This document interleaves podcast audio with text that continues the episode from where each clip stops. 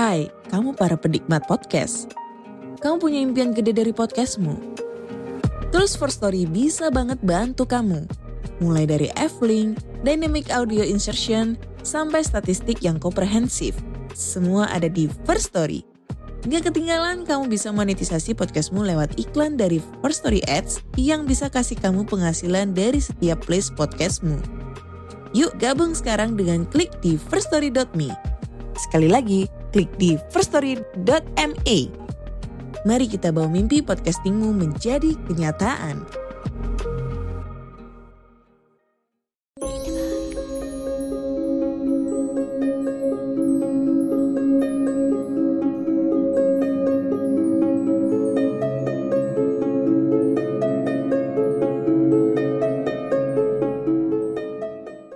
Selamat datang dan selamat malam Sobat RAI Ketemu lagi dengan Denny Seperti biasa malam ini kita akan bacakan sebuah cerita. Dan cerita malam hari ini Judulnya Pasien.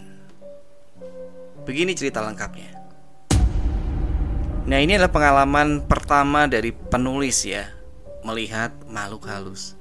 Jadi gini Sekitar satu tahun yang lalu Waktu aku dengar kabar temanku Tono dan Ilham kecelakaan di jalan raya dan akan dilarikan ke rumah sakit. Aku dan adikku langsung ke rumah sakit di mana mereka dirawat. Karena memang kami bersahabat, ya bisa dibilang empat sekawan begitu. Tapi ternyata aku dan adikku yang duluan sampai ke rumah sakit. Sementara Tono dan Ilham masih dalam perjalanan dibawa oleh ambulans. Si Ilham keadaannya kritis dan tidak sadarkan diri. Sedangkan si Tono hanya mengalami luka ringan. Dia sempat teleponan denganku mengabarkan keadaannya waktu di ambulan. Katanya mereka akan langsung dibawa ke UGD. Akhirnya aku dan adikku langsung pergi ke UGD untuk menunggunya di sana. Suasana di UGD itu terlihat sepi. Kami pun duduk di bangku yang ada di ruang tunggu. Tak lama kemudian datang dua orang suster mendorong sebuah gerobak pasien. Di atas gerobak itu tampak seorang pasien kritis karena kecelakaan juga. Kami sempat panik karena takut Ilham juga keadaannya seperti itu. Dan tak lama kemudian, pasien tersebut dinyatakan meninggal dunia. Kami semakin galau. Semoga tak terjadi apa-apa pada Ilham. Beberapa saat kemudian datanglah seorang bapak tua berkacamata menghampiri kami. Dari pakaiannya, dia seperti pasien juga. Namun anehnya, kacamata yang dipakainya itu pecah sebelah. Dek, pinjam koreknya dong, kata bapak tua itu. Oh iya pak, Jawabku sedikit kaget sambil merogoh saku baju dan memberikan korek api kepada bapak tua itu. Perawatnya pada ke mana ya? Mumpung gak ada, saya merokok aja. Kata bapak tadi sambil menyulut sebatang rokok. Gak tahu pak. Oh iya, memangnya bapak sakit apa? Tanyaku berbahasa basi. Udah sakit apa-apa, cuma lecet-lecet aja.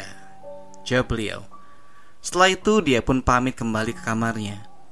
Tak lama kemudian suster dan keluarga korban tadi datang ke ruangan di mana pasien tadi ditinggal. Karena penasaran, iseng-iseng kami melihat ke ruangan yang tadi si bapak tua itu masuk ke dalamnya. Dan astaga, ternyata pasien yang meninggal tersebut adalah bapak tua yang pinjam korek api tadi. Sedangkan di ruangan itu tidak ada pasien yang lain, hanya ada bapak itu. Dia terbujur kaku di atas ranjang pasien. Aku dan adikku langsung shock saat itu. Karena ketakutan, akhirnya kami memutuskan untuk meninggalkan ruangan itu dan menunggu di parkiran depan saja. Oke Sobat RHI, itu cerita horor kita untuk malam hari ini. Semoga bisa menghibur kalian. Sampai ketemu di cerita berikutnya. Selamat malam, selamat beristirahat.